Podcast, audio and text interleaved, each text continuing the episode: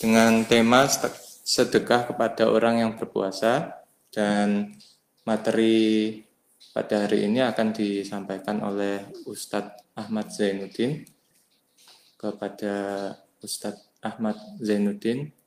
Dipersilakan monggo Pak Bismillahirrahmanirrahim Assalamualaikum warahmatullahi wabarakatuh. Alhamdulillahirabbil alamin. Wassalatu wassalamu ala asyrafil anbiya'i wal mursalin.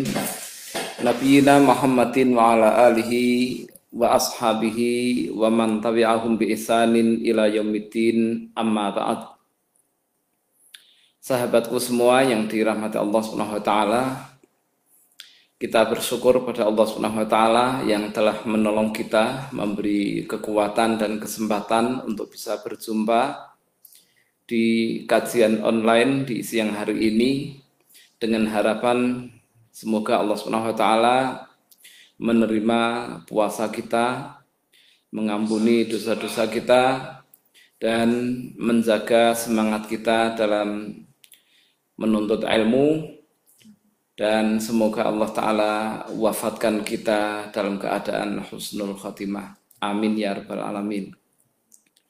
Salawat dan salam semoga dilimpahkan pada junjungan kita Nabi besar Nabi Muhammad Sallallahu Alaihi Wasallam juga para sahabat, para tabi'in, para tabi'ut tabi'in dan para ulama serta seluruh kaum muslimin yang mencintai, mempelajari dan mengamalkan serta mendakwahkan risalah beliau sampai besok di yaumul kiamah. Amin ya rabbal alamin. Pada pertemuan kali ini, ini pertemuan yang kedua, kita akan berbicara tentang eh, apa tadi, Mas sedekah kepada orang yang puasa. Maksudnya kan keutamaan gitu ya. Nah, baik. Keutamaan sedekah kepada orang yang sedang berpuasa. Di sini saya kirimkan kepada seluruh pendengar dan pemirsa dua hadis yang dua hadis ini akan kita jadikan bahan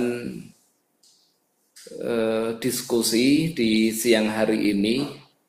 Jadi dari sekarang Mas kita menerima eh, pertanyaan. Ya, kita ya saya baca dulu beberapa hadis ya untuk motivasi Kemudian sekarang yang mau mengirimkan e, pertanyaan atau tambahan keterangan dipersilahkan.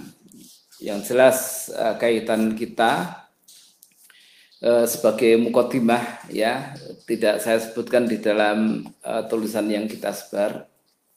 Sebagai mukotimah adalah hadis yang diriwayatkan oleh Imam Bukhari dan Muslim dari sahabat Ibnu Abbas radhiyallahu taala anhu yang beliau radhiyallahu taala anhu mengatakan kana nabiyyu sallallahu alaihi wasallam azwatan nasi wa wa kana azwata ma yakunu fi ramadan hina yalqahu jibril adalah Rasulullah sallallahu alaihi wasallam itu orang yang paling dermawan dan yang paling dermawan lagi ketika beliau berjumpa dengan malaikat Jibril.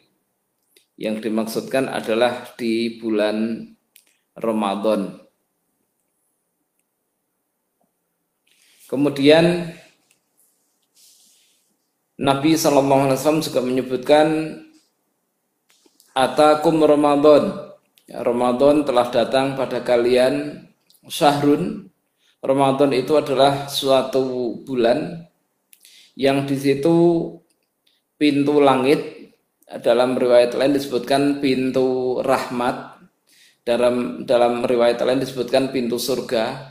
Itu dibuka bukai semua tidak ada yang ditutup kemudian pintu neraka atau pintu kejahatan ditutup semua. Tidak ada yang dibuka.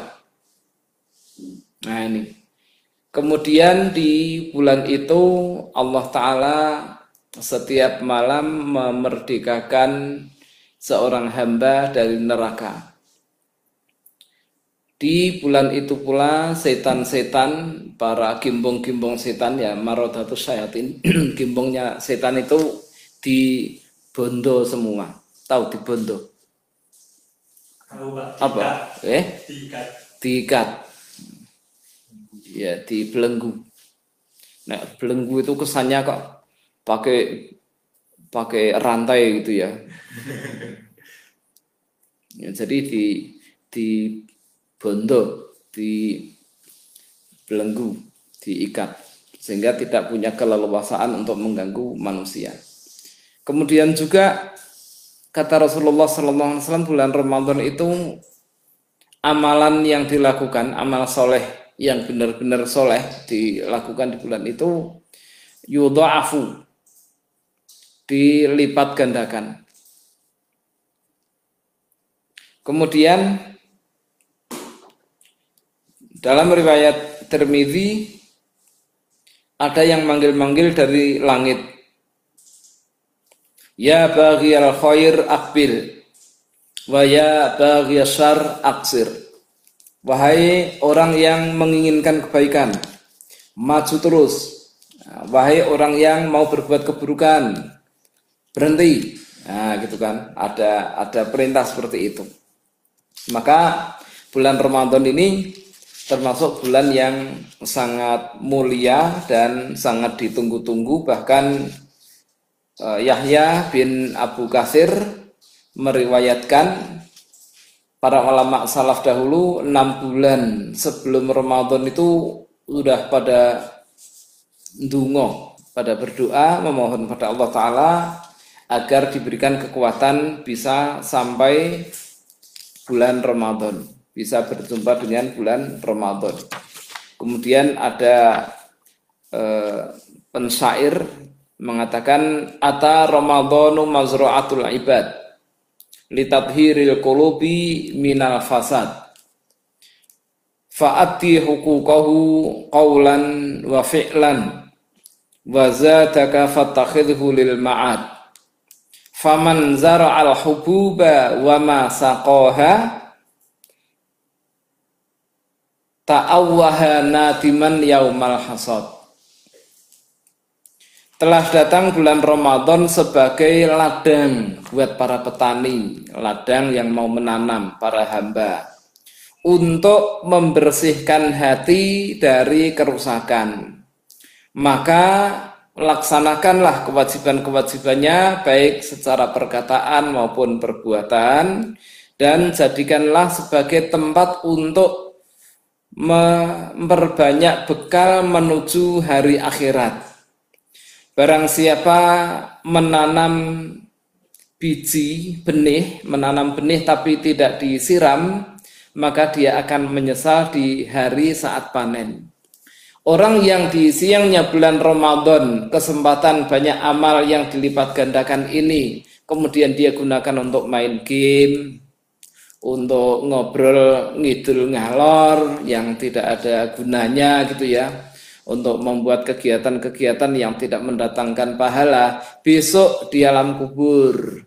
Besok di akhirat di tenono kue. Ngerasa ke apa? Gelo kan gitu.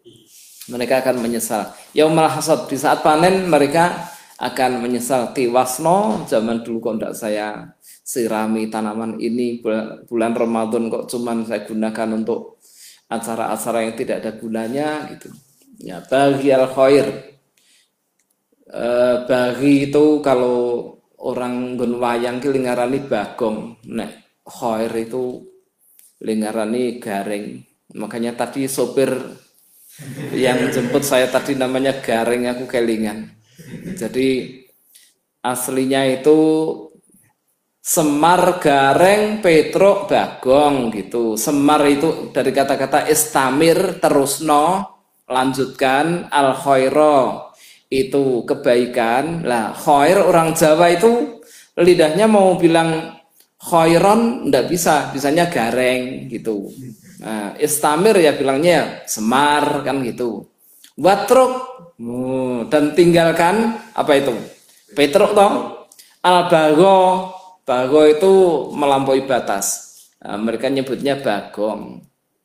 Sampai dibikin wayang itu demi bagaimana masyarakat itu paham gitu loh. Istamir khairon watruk al bago ya. Semar gareng petruk bagong. Baik ini para pemirsa yang dirahmati Allah Subhanahu wa taala, jadi bulan Ramadan memang bulan yang tidak selayaknya seorang hamba menyia-nyiakannya.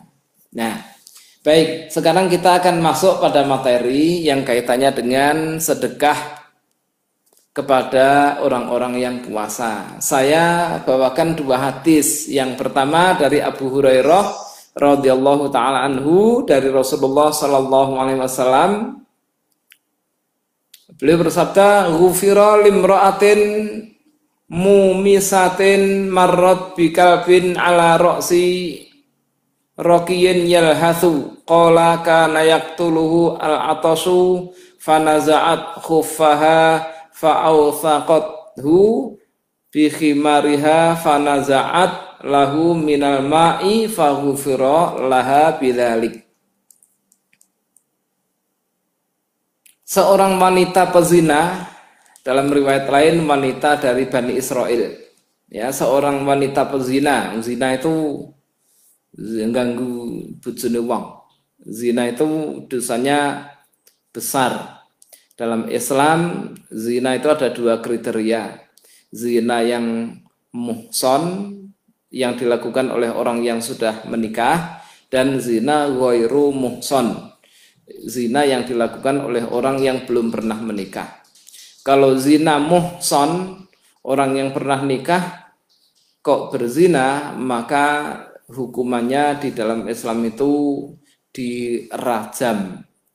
Rajam itu di uh, apa ya dipendem separuh jadi bikin luangan, bikin gali lubang kira-kira satu meter. Nah orang itu suruh di situ, nah, kemudian ditimbun, uh, tinggal separuh badan ke atas. Nah tutupi kain, kemudian dilempari batu. Nah lempari batu dalam Islam juga ditentukan, tidak boleh pelintengi pakai kerikil tidak boleh. Tapi beleki waktu juga tidak boleh. Nah, pakai batu eh, para ulama menyebutkan sebesar kepalan. Nah, dilempari itu. Nah, sampai meninggal dunia. Itu kalau zina mukhon. Wah, Islam itu jahan anarkis. Ya ndak. Sing anarkis kowe kuwi kon nyembah Allah malah ora gelem mangkat. Nah, kan gitu. Ini ini ndak anarkis. Coba kalau pemerintah itu melaksanakan hal itu, kira-kira PSK PSK itu ora payu kabeh.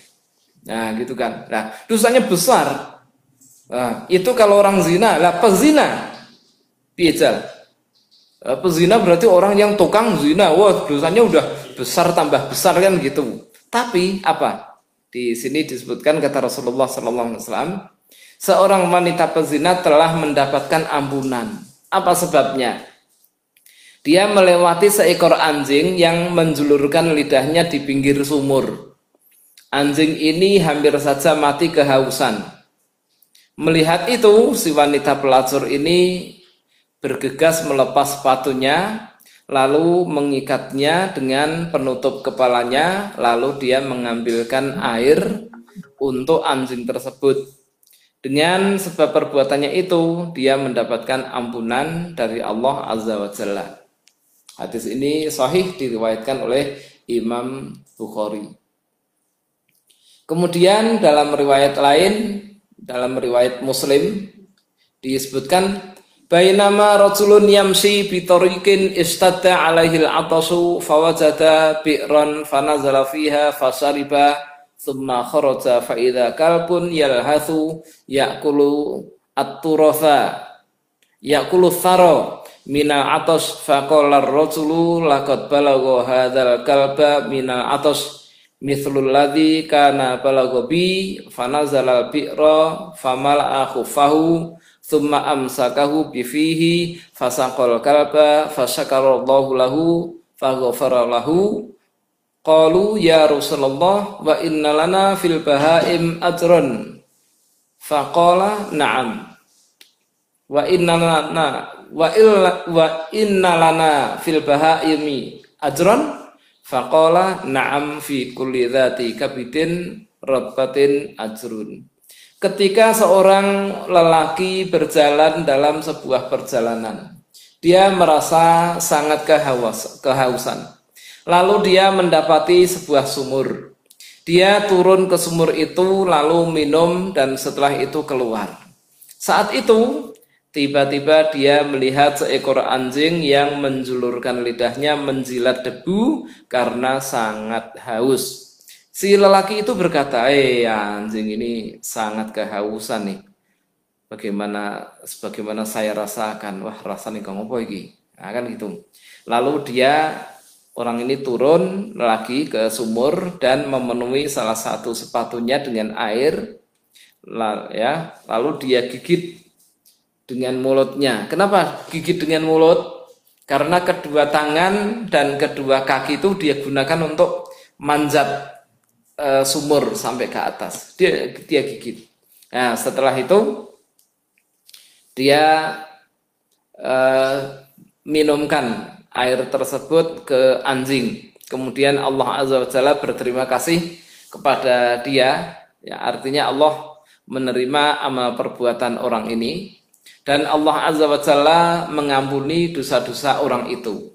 Para sahabat radhiyallahu taala anhum bertanya, "Wahai Rasulullah sallallahu alaihi wasallam, apakah kita akan mendapatkan pahala juga kalau kita e, memberi makan binatang ternak?" "Ya." Nah, kata Rasulullah, Jawabnya seperti itu. Setiap binatang peliharaan ya yang bernyawa dan masih hidup kemudian dikasih makan itu berpahala. Baik. Sekarang pelajaran yang bisa kita ambil apa? Dari dua hadis ini. Kita bicara tentang sedekah, tapi kok malah hadis anjing. Biar, Mas. Jenengmu sapa? Siapa Fahmi, Pak. Oh, Mas Fahmi. Iya, piye Mas Fahmi? Kalau saya mengambil ini apa namanya? Dari materi yang tadi mengenai hadis yang pertama ya, Pak. Hmm. Ini memberikan sedekah kepada uh, jadi seorang PSK ini memberikan sedekah kepada seekor anjing. Hmm. Padahal PSK ini kan termasuk orang yang ini uh, berdosa, orang yang hina. Mm -hmm. Tapi dengan memberikan sedekah kepada anjing meskipun hanya sekali, PSK ini mendapatkan ampunan dari Allah Subhanahu wa taala. Iya.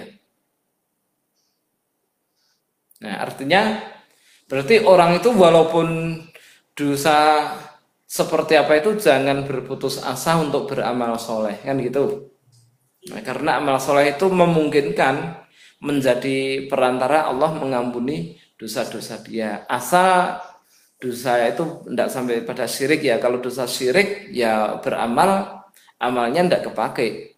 Jadi kalau orang melakukan kesirikan mau beramal ya dia membaca syahadat dulu. Masuk Islam dulu gitu. Ya jadi Eh, Nabi Shallallahu Alaihi Wasallam itu dibilangin eh, oleh Allah Taala Walaqad uhiya ilaika wa ilal ladzina min qablika telah diwahyukan kepada Muhammad dan orang-orang sebelum kamu. La in asrokta layah batonna amaluka. Kalau kamu berbuat syirik amalmu bubar semua. Nah, amalmu hapus semua. Wala takunanna minal khasirin. Dan kamu akan menjadi orang-orang yang rugi. Nah, jadi syaratnya amalan itu e, bertauhid, tidak berbuat syirik. Yang melakukan memiliki dosa sebesar apa pun asal bukan syirik, maka jangan putus asa. Qul ya ibadiyalladzina asrafu ala anfusihim la taqnatu min rahmatillah Katakan wahai Muhammad, wahai hambaku, wahai umatku. Alladzina asrafu ala anfusihim, orang yang kakian dosa, orang yang kebanyakan berbuat dosa, melampaui batas atas dirinya sendiri. La taqnatu mir rahmatillah. Kalian jangan berputus asa dari rahmat Allah taala. Jadi apa pun keadaan kita, dosa kita ini tidak mesti eh, eh, doa eh, apa? Dosa seorang hamba itu tidak mesti zina kan? Iya. Mereka ada dosa korupsi gitu. Anggaran yang anggota eh, bawahan atau apa sudah lama waktunya naik pangkat, hei jangan lupa kan itu. Ketika kita jadi atasan, barang siapa yang akan mau naik pangkat, daftarnya ke saya, mas kawinnya sekian. Itu rahasia umum, rahasia umum. Artinya ya ya sebenarnya ndak mau tapi karena hijau ya jadi mau ngelek itu juga orang-orang kayak gitu. Awal mula sebelum jadi pejabat kan korupsi harus diberantas. Iya. Nah, setelah punya kesempatan enak juga ya. Nah, kan gitu. Nah, ini orang-orang seperti ini jangan putus asa. Harta-harta haramnya singgir ke kabeh, dia eh, melakukan amal soleh buat menutupi dosa-dosanya itu. Nah sekarang, anjing, anjing itu kan binatang. Paling yus najis mugoladoh kan. Iya. Eh, Kemudian orang dibilang nama ini kan juga tidak mau. Dan kalau ada orang marah, ngomongnya kan nyebut binatang ini. Terus kita tidak pernah melihat ada kampung di sana jalan terwelu, jalan menjangan, jalan anjing kan tidak ada. Nah, membuat merek makanan, cap marmot, nah kan ada cap ini, tapi cap anjing, Nggak ada. nah itu menentukan anjing itu sesuatu yang yang hina. Tetapi udah yang melakukan pelaku dosa besar yang dikasih minum ini anjing ternyata Allah taala mengampuni dosa-dosa orang itu. Apalagi yang diminum itu manusia. Apalagi manusia itu muslim. Apalagi manusia muslim sedang puasa. Banding eh, ukur sendiri. Nah ini yang melakukan orang yang berbuat dosa besar. Dosanya diampuni lah. Kalau bukan, misalkan santri, imam masjid, takmir masjid, orang yang tidak pernah berbuat zina, tidak pernah eh, ghibah, oh, tapi ghibah itu makanan empuk juga sih ya, sulit dihindarkan ya. Ya banyak orang yang tahu itu dosa besar nih yo. Sulit. Kalau belum melaksanakan itu rasa-rasanya kan belum lego kan gitu toh. Wah ya se- seperti obat juga, tapi ya, ya hanya seperti obat obat apus-apusan, obat fata morgana kalau ugibah itu. Nah, artinya apa pun eh, sebesar apa pun dosa seorang hamba selain syirik, dia itu memberikan minum anjing saja menyebabkan dosanya diampuni, apalagi selain anjing, apalagi manusia. Maka ini menunjukkan cukup satu hadis ini bahwa sedekah itu pahalanya besar. Baik sedekah untuk binatang yang terburuk maupun sedekah bahkan sedekah kepada orang yang berpuasa seperti itu. Oh iya Ustaz, ini sudah ada pertanyaan yang masuk Ustaz. Hmm. Jadi ini ada yang menanyakan apabila ada suatu yayasan atau lembaga yang memberikan sedekah atau bantuan kepada masyarakat atau orang lain, namun eh, waktu memberikan bantuan ini di apa ya dipublish, di share ke media massa supaya lembaga ini mendapatkan citra apa untuk meningkatkan ini ya untuk promosi Eh, untuk memberikan citra positif maksudnya ini apa namanya Eh, untuk mengenalkan yayasan atau lembaga itu Ustaz Hmm. bagaimana itu hukumnya Termasuk riak apa tidak gitu ya? iya Hmm, Cuma baik. niat awalnya awalannya ini apa namanya eh, bersedekah Iya. Jadi biar viral, biar banyak orang tahu. Nah, tujuan awal dia viralkan itu tujuannya untuk memperbanyak orang yang sedekah sehingga yang menerima sedekah semakin banyak sehingga semakin sibuk yayasan itu otomatis pahala kan semakin banyak. Maksudnya itu atau pengen mendapatkan pujian. Wah hebat yo anu yayasan anu siapa sih yang punya? Oh oh ya kalau tujuannya untuk mendapatkan pujian ya tidak dapat pahala nah cuman permasalahannya sekarang ini khususnya masa-masa pandemi ini COVID-19 ini semoga Allah taala segera mengangkatnya dan menjadi menjadikan negeri ini negeri yang aman, adil, makmur dan sentosa. Amin.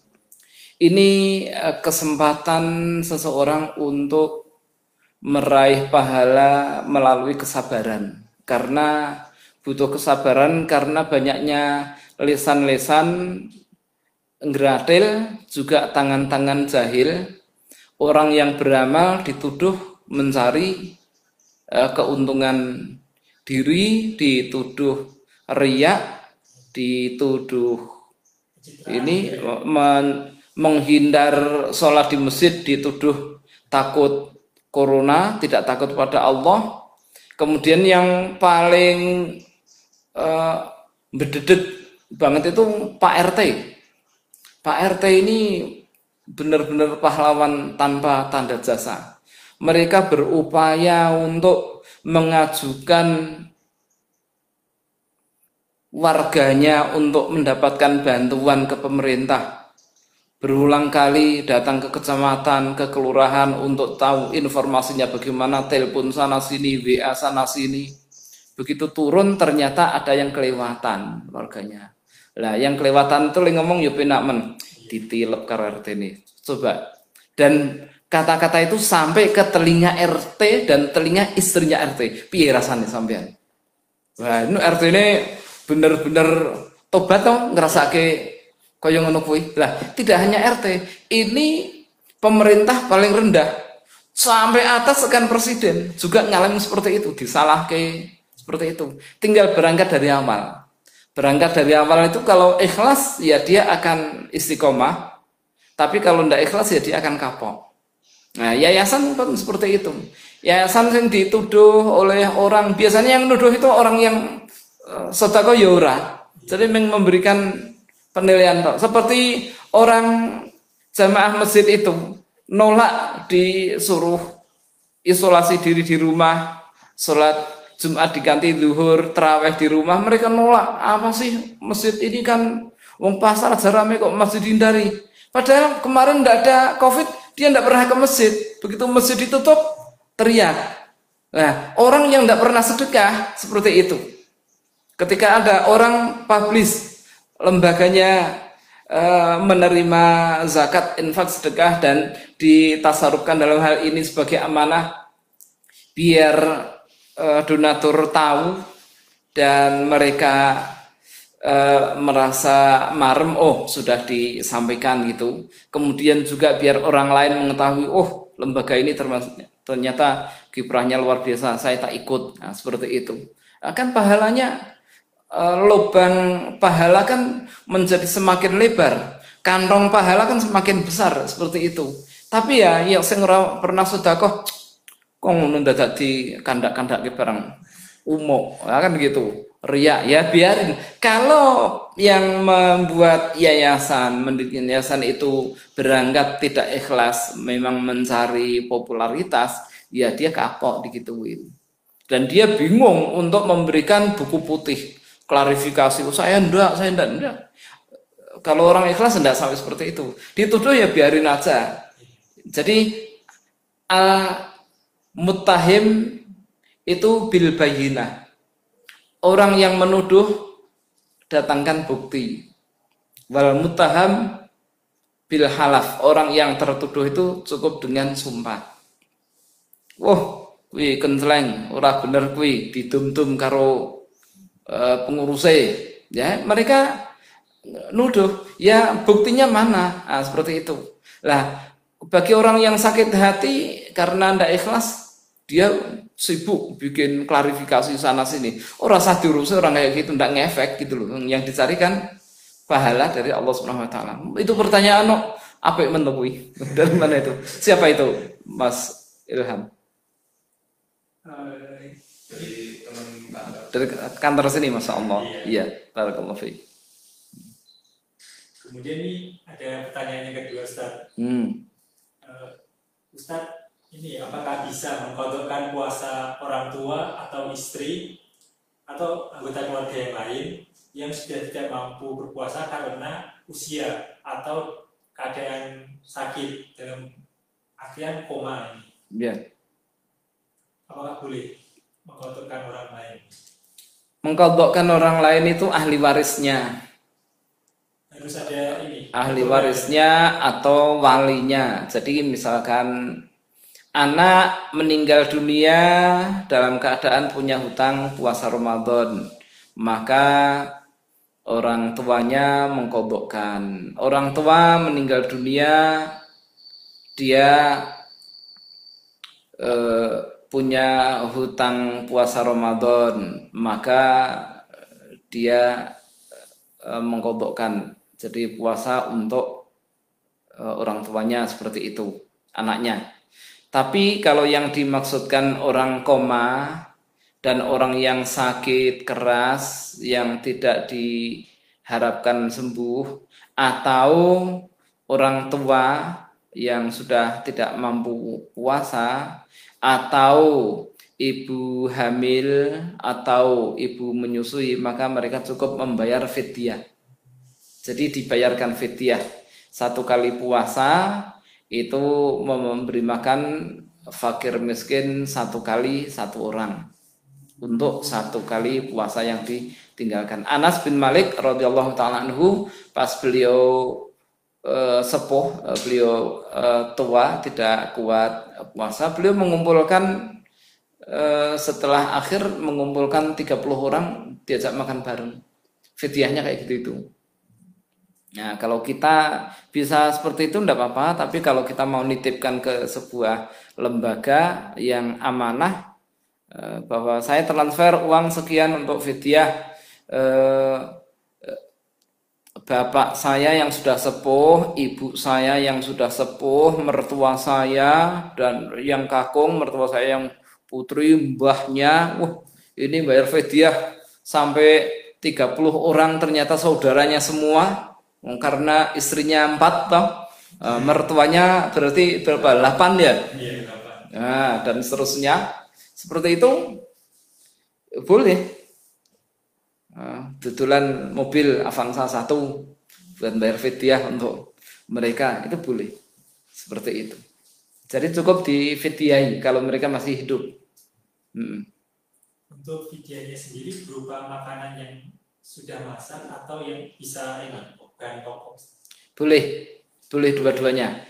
Untuk fidyah boleh makanan siap saji, nasi bungkus gitu, atau mungkin eh, bahan pokok tapi ya ojo min beras tok.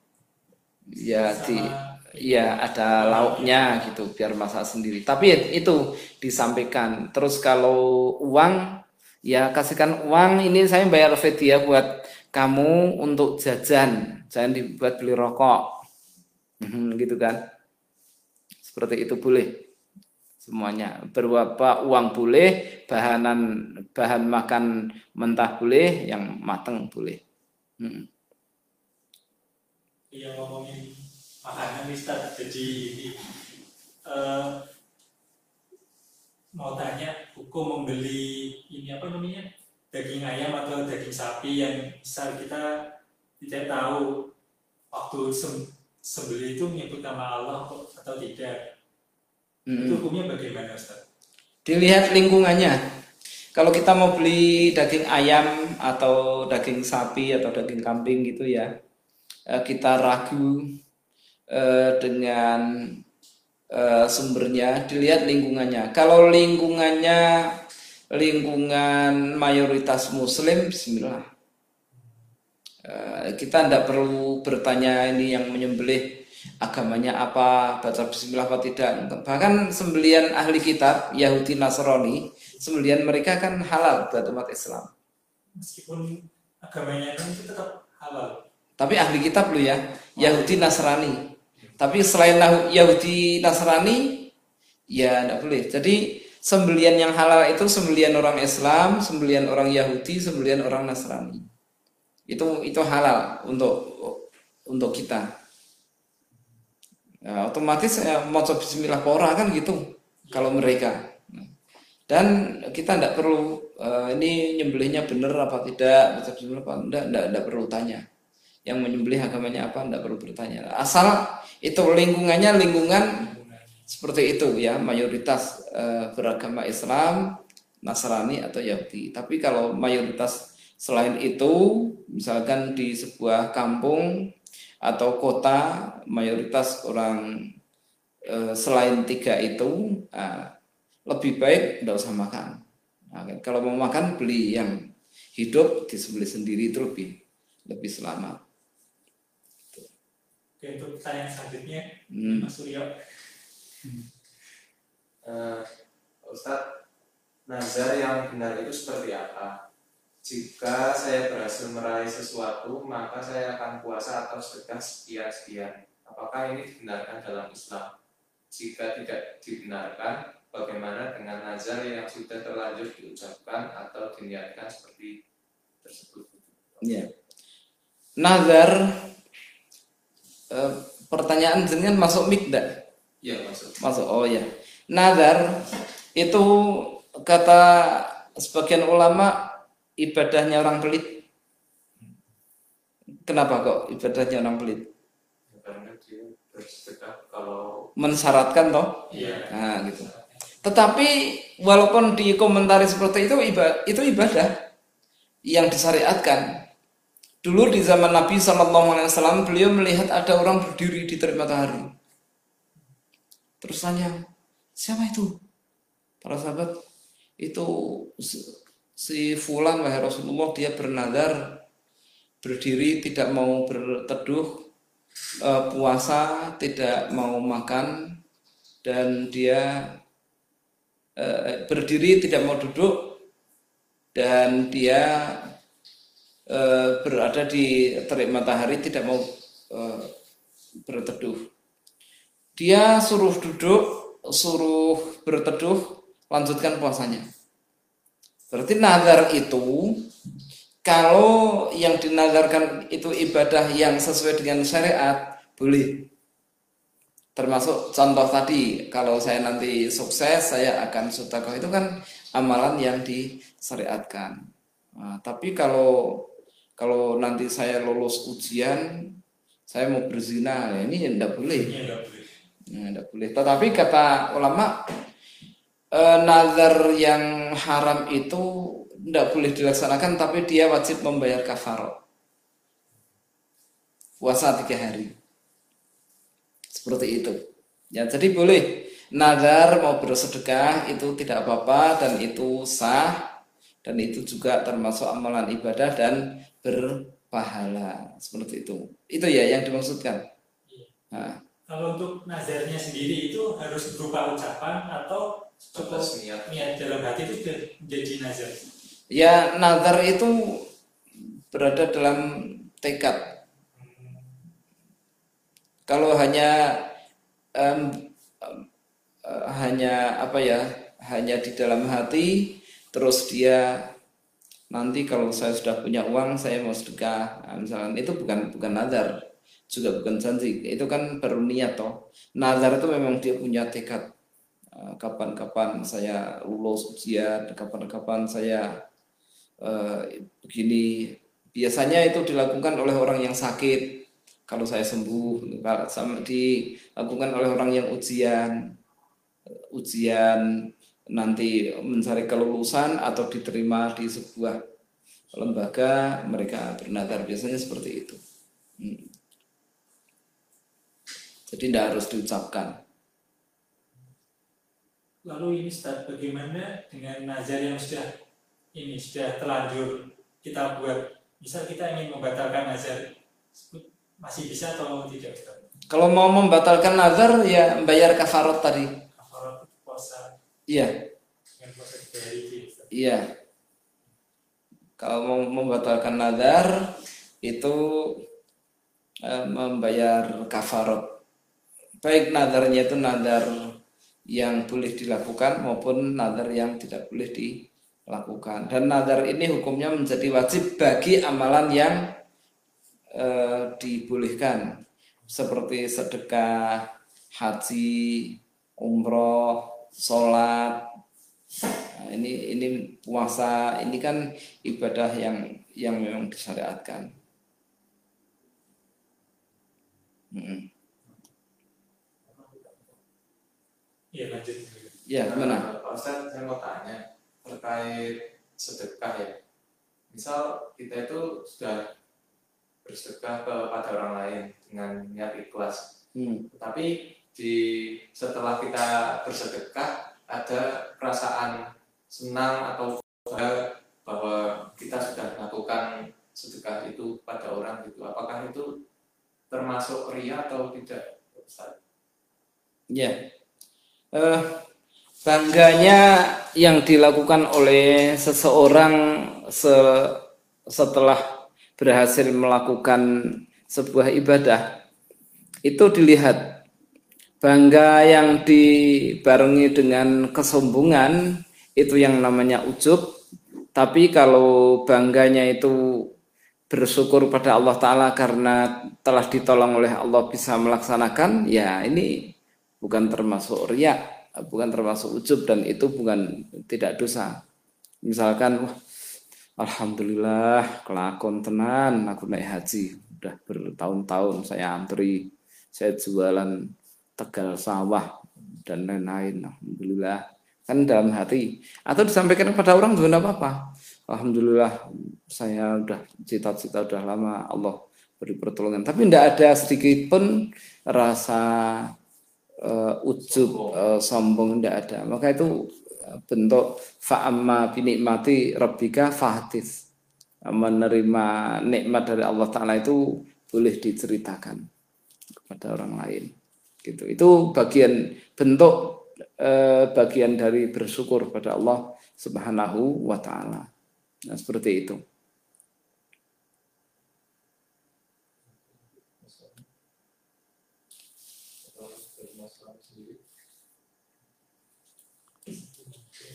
Kalau tidak ada, ya kita bisa ngambil beberapa pelajaran berikutnya ya. Sambil nunggu nunggu kalau ada pertanyaan lagi. Kata-kata baina baina marotulun yamsi bitarikin istada alaihil atas. Ini mengisyaratkan adanya sejak zaman dahulu itu orang terbiasa safar itu ada terbiasa safar itu ada. Melakukan perjalanan. Iya, melakukan perjalanan. Ya, perjalanan macam-macam. Perjalanan yang dalam rangka taat kepada Allah Ta'ala atau perjalanan biasa. Kalau kita perjalanan safar dalam rangka taat kepada Allah Ta'ala kan seperti haji dan umroh, silaturahim, nah itu. Tapi kalau perjalanan seperti uh, wisata itu kan kita hanya bermaksud mau jalan-jalan. Maka ini juga termasuk uh, hal yang diperbolehkan. Dan Allah juga memberikan rukhsah keringanan-keringanan bagi orang yang safar. Tetapi kaitannya dengan hadis ini orang yang safar kemudian melihat anjing yang menjulurkan lidahnya karena haus Berarti para musafir itu dianjurkan untuk menjadi orang yang me mengedepankan rasa kasih sayang kepada pihak lain. Artinya ketika kita berjalan di jalan raya jangan menjadi orang yang menang-menang sendiri. Gitu. Paham tak maksudnya? Oh, nyalip sana sini was wes was wes ngiris tempe kan gitu kan.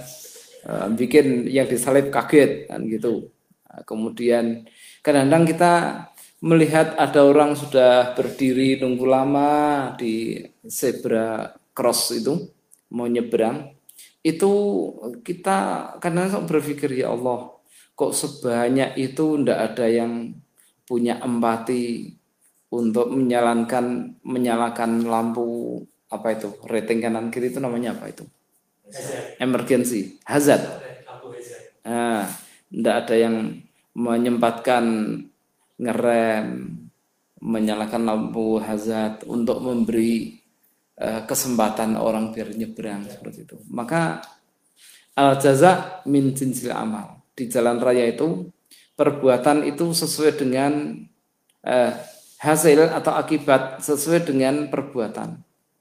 Orang yang membuat sulit ya akan dipersulit oleh Allah Subhanahu wa taala. Tapi orang yang membuat lapang, orang yang membuat mudah ya akan dipermudah oleh Allah Subhanahu wa taala. Maka anjuran kita berdasarkan hadis ini kita mengendarai mobil, motor di jalan raya supaya taat eh, rambu-rambu lalu lintas, juga lapang dada kalau ada orang yang pengen nyebrang ya kita sempatkan sedekah sedekah waktu. Ya, jadi sedekah itu banyak loh, tidak hanya berbentuk materi, tapi sedekah itu bisa berbentuk waktu, sedekah tenaga, sedekah eh, apalagi eh, nasihat, sedekah ilmu, banyak sekali. Ya, ini. Makanya eh, mestinya kalau semacam lembaga besar kayak PLN gini ini suka masang pesan irit apa itu matikan lampu, hemat hemat listrik gitu itu. Alangkah indahnya juga tambah pesan-pesan uh, taati rambu-rambu lalu lintas, berlapang dada untuk orang yang mau menyeberang. Dan kalau kita terjadi perselisihan di jalan raya, misalkan kita sudah ngeriting kanan, udah lama nih kita mau nyalip. Uh, begitu nyalip di belakang ada motor. Tidak lihat kalau kita itu sudah nyalakan rating. Nah, dia akhirnya tergeser, hampir jatuh. Kemudian marah sama kita kan, marah sama kita, kita dikejar. Uh, melihat ada orang ngejar itu ya udah kita rating kiri aja, rating kiri kita berhenti, dia makin-makin ngawur, macam-macam. Ya kita nyalakan rating udah dari tadi dan kita juga husnudon dia ini tidak tahu Eh, mungkin karena uh, sesuatu tidak tahu kalau kita nyalakan rating. Yang jelas dia marah-marah. Nah, kita kan benar lah itu? Uh, dimarahi orang kan biasanya kan malah balik menyalahkan. Ya udah kita nyalah aja. Walaupun kita benar nyalah aja. Kenapa? Melerai permasalahan. Toh dia itu kalau sudah marah-marah kita ya minta maaf dia kan marem. Tapi kalau Ganti kita meraih kan jadinya kelahi. Nah, seperti itu yang menjadi permasalahan. Kelahi iya kalau sendirian. Kalau ternyata yang lain ikut turun tangan kayak monyet. Manine keroyokan kan. Eh, duel satu-satu kan udah berani monyet itu. Nah, ini yang eh, akhirnya menjadikan keroyokan ini kan semakin besar. Makanya yang namanya pemaaf itu tidak disyaratkan harus harus orang yang eh, eh, kepada orang yang tidak baik apa eh, pemaaf itu memaafkan itu tidak disyaratkan hanya kepada orang baik. Tapi orang yang tidak baik orang yang nyata-nyata dia salah tidak apa-apa kita memaafkan orang itu dengan cara kita ngalah itu luar biasa. Lah kita bisa mengambil pelajaran dari sini eh, kelemah lembutan si uh, orang ini tidak uh, tega dia melihat anjing yang kehausan itu. Dan kelemah lembutan ini ada dua macam, ada yang watak dasar, ada yang watak uh, uh, memang diusahakan. Dalam hadis yang diriwayatkan oleh Imam Muslim ada Al Asad bin Qais radhiyallahu taala anhu beserta rombongannya mereka berkunjung ke Rasulullah Sallallahu Alaihi Wasallam.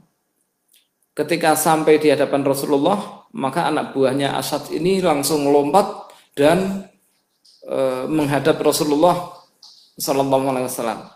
Adapun Asad bin Qais ini sebagai pemimpin, beliau begitu datang e, dia berjalan dengan sopan, pelan-pelan, kemudian kendaraannya beliau tam, tambatkan dahulu eh, kalau mobil ya mungkin diparkir di tempatnya gitu ya tambatkan dulu setelah itu beliau memperbaiki uh, pakaian diri, um, sisiran dan memperbaiki diri lah mau bertemu dengan uh, orang berilmu atau bertemu Rasulullah Alaihi Wasallam. Nah, setelah itu begitu siap badannya beliau menghadap Rasulullah Wasallam. Langsung Rasulullah Sallallahu Alaihi Wasallam bersabda, wahai Asad, inna fika khoslatan. Kamu punya dua sifat. Yuhibbuhumallahu wa rasuluhu. Yang Allah dan Rasulnya senang dengan dua sikap kamu itu. Al-hilmu wal anat kata Rasulullah. Yaitu tahan marah dan kelembutan. Tahan marah dan kelembutan. Nah, terus Al-Asad mengatakan, ini Allah ciptakan saya dengan membuat dua sifat itu atau usaha saya sendiri Rasulullah.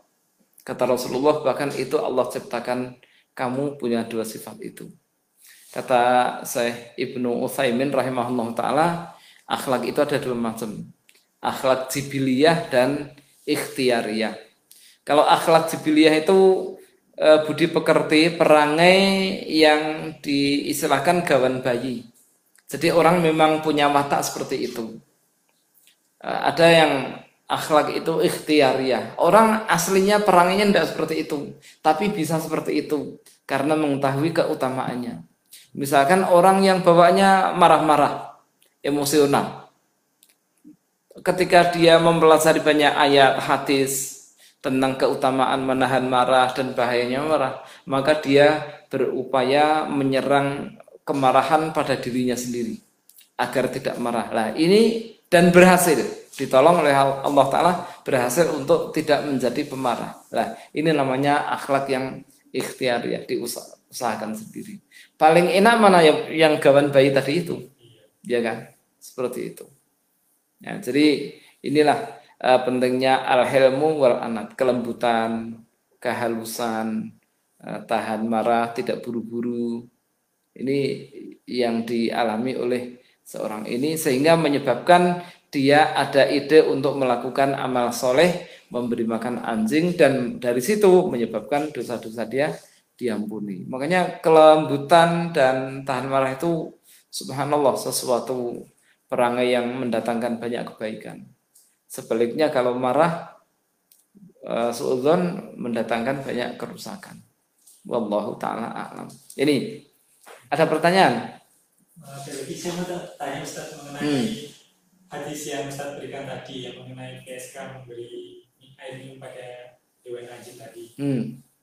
Uh, untuk PSK sendiri kan tadi juga begini apa uh, belum mohon ampun kepada Allah, tapi secara langsung Allah sudah memberikan ampunan kepada PSK tersebut. Iya.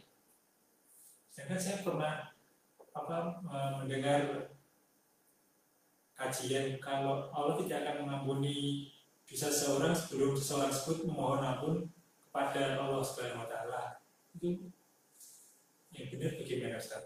Malam, saya belum pernah tahu uh, Allah tidak akan mengampuni uh, dosa seseorang sebelum orang itu mohon ampun itu saya belum pernah tahu.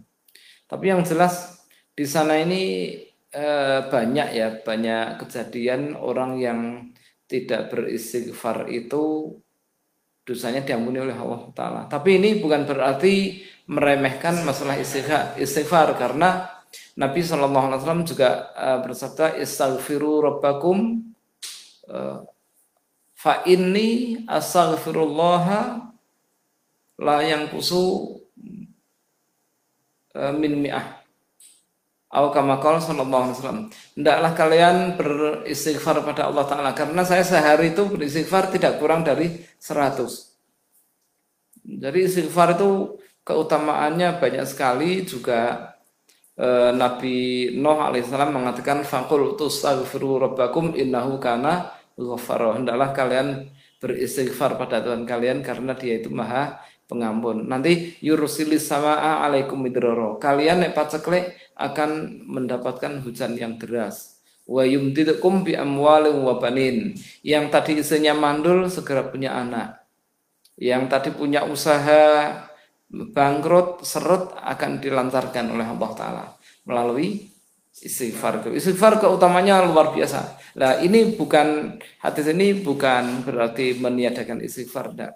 Tapi memang di sana ada dosa-dosa yang diampuni oleh Allah tanpa istighfar seperti eh, Nabi bersabda eh, Ittaqillaha haitsu ma kunta wa atbi sayyi'atal hasanata tamahuha wa khaliqin nasa bi khuluqin hasanin. Bertakwalah kepada Allah Ta'ala di mana pun kamu berada. Ikuti setiap keburukan dengan kebaikan. Niscaya kebaikan itu akan menghapus keburukan tadi. Pergalui manusia dengan akhlak yang baik. Nah, maka orang yang berbuat dosa segera ditutup dengan kebaikan. Minimal kan istighfar kan gitu. Nah, makanya di riwayat lain juga Nabi bersabda perumpamaan orang yang sholat lima waktu itu kan bagikan orang yang punya uh, telaga di depan rumahnya sehari semalam dia mandinya lima kali reget paura kan gitu buatan Rasulullah. Nah sholat lima waktu juga gitu. Nah, sholat lima waktu itu juga menghapuskan dosa. Wudhu menghapuskan dosa. Sedekah menghapuskan dosa. Dakwah menghapuskan dosa gitu. Wallahu taala alam. Jadi enak. Enak uh, Islam itu agama yang sangat indah dan Allah itu maha pemaaf. Makanya kita tetap memperbanyak uh, minta maaf kepada Allah Taala. Tapi jangan meremehkan Allah kan maha pemaaf. Dosa-dosa sidik rapopo ya ndak. Dosa sidik jajal kalau meninggal dunia dalam keadaan sedang berbuat dosa bagaimana? Nah. Wallahu taala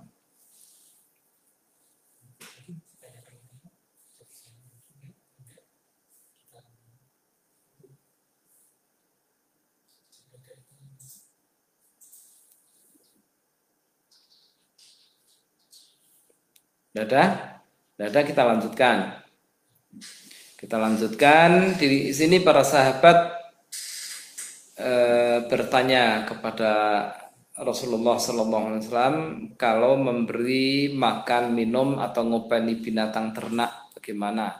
Apakah ia mendapatkan pahala? Ya, jawab Rasulullah, ia mendapatkan pahala setiap binatang yang hidup diberi makan berpahala. Binatang apa saja.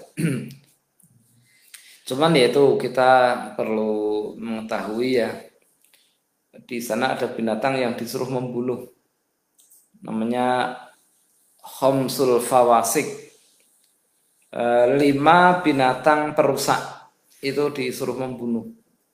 Lima itu di antaranya ular, e, kemudian anjing hitam, kemudian gagak, kalajengking dan tikus. Nah itu. Kemudian di riwayat lain disebutkan orang yang membunuh cecak sekali pukul mati dia mendapatkan 100 kebaikan. Nah, berarti kalau binatang-binatang seperti itu daripada memberi makan, membunuh itu pahalanya lebih besar kan gitu.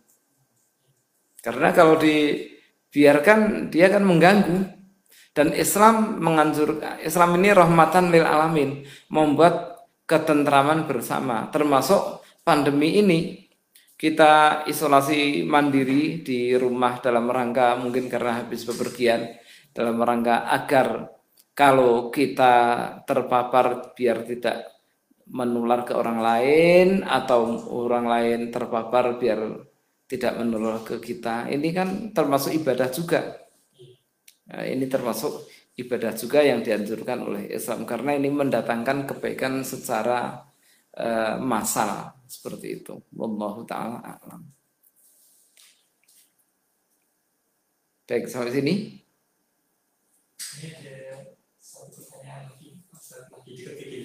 Oh, lagi ngetik, ya ngetik kok.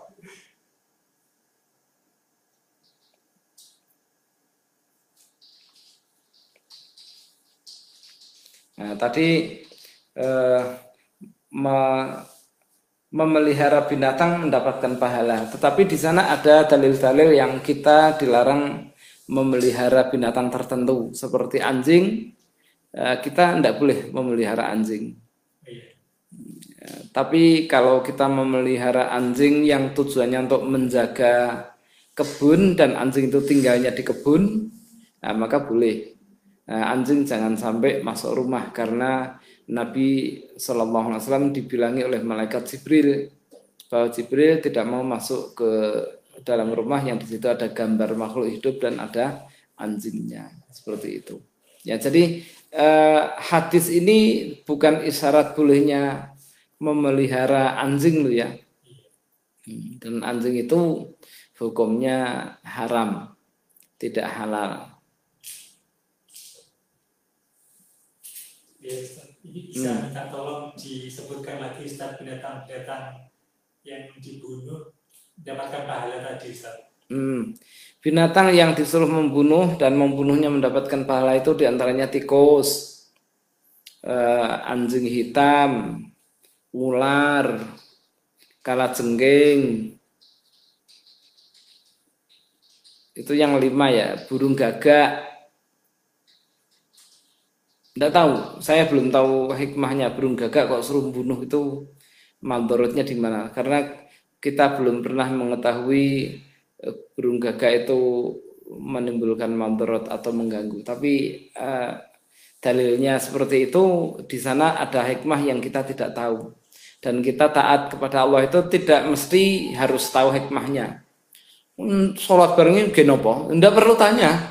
Kongkon mangkat, nah disuruh berangkat gitu aja, tidak perlu nanya kenapa sih. Tidak, itu bukan urusan kita. Nah gitu ya. Kemudian riwayat lain disebutkan juga di anjuran membunuh Eh, seperti uh, cicak nah, gitu dan binatang-binatang lain yang memang menimbulkan bahaya ya boleh boleh dibunuh seperti itu wallahu taala alam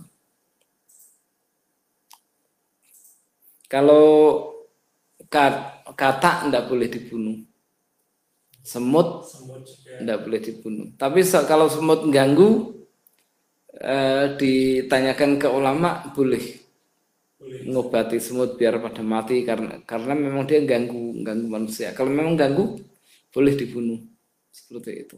Ya, seperti ini, Ustaz. Di rumah saya kan uh, ada banyak semut karena ini dekat sama pohon rambutan. Hmm. Semut-semut banyak yang masuk ke rumah. Hmm. Maka itu boleh di disemprot pakai obat gitu iya. boleh Nah, kalau binatang ganggu boleh dibunuh, nenek tetangga ganggu tidak boleh dibunuh ya. Hmm.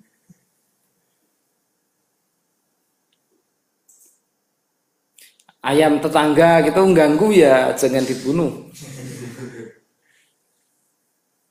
Ini ada pertanyaan masuk lagi, Hmm? Kalau untuk binatang yang tidak boleh dibunuh itu apa saja, Ustaz? seperti semut, kata, ya. yang binatang yang lainnya itu apa saja? Ya hanya itu yang tidak boleh dibunuh. Terus ulama membuat kaidah binatang yang disuruh membunuh dan yang tidak boleh dibunuh itu hukumnya haram. Berarti suike barang kui ya, hukumnya haram. haram. Walaupun rasanya kenyil-kenyil enak gitu ya tetap nah, tidak merubah menjadi halal. Hmm.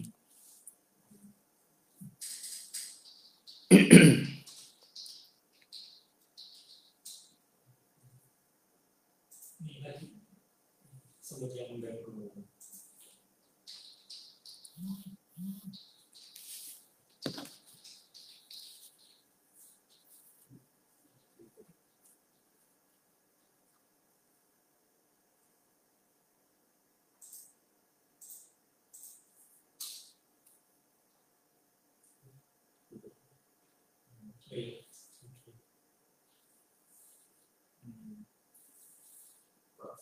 Ya. Ya. Ini pertanyaan sudah habis kalau sudah bisa ditutup. Ya, baik. Alhamdulillah wassalatu wassalamu ala Rasulillah wa ala alihi wa ashabihi wa mawalah amma bad. Alhamdulillahirabbil alamin kajian dari awal sampai sekarang sudah kita selesaikan. Eh, kesimpulannya adalah di bulan Ramadan ini bulan yang penuh berkah.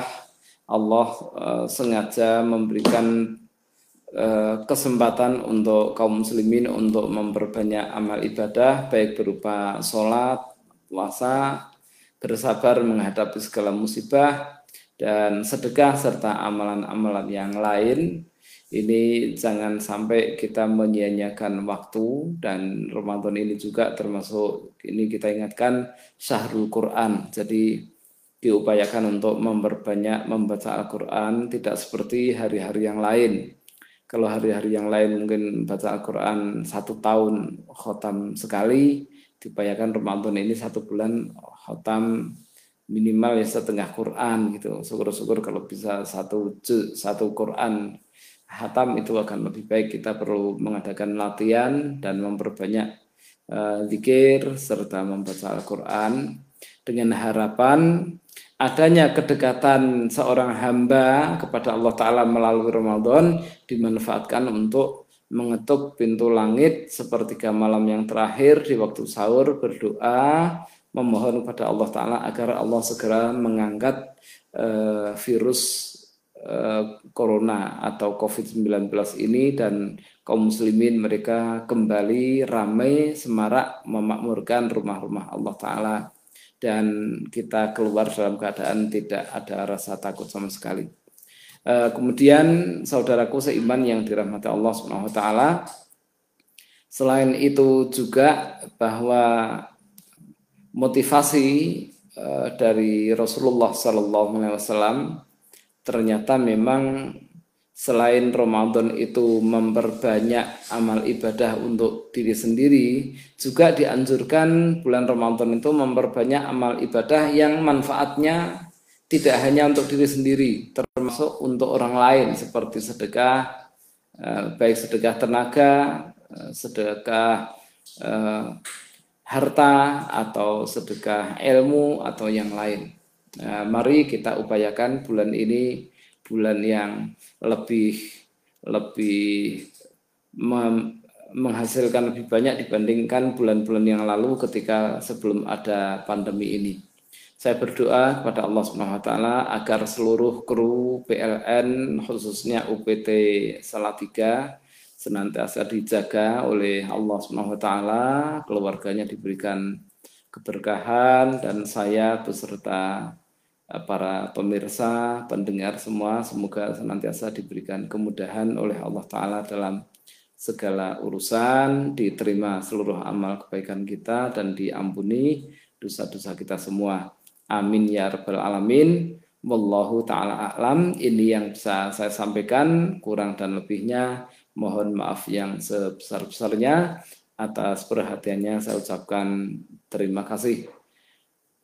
Uh, subhanakallahumma wa bihamdika asyhadu an la ilaha illa anta astaghfiruka wa atubu ilaik. Wassalamualaikum warahmatullahi wabarakatuh.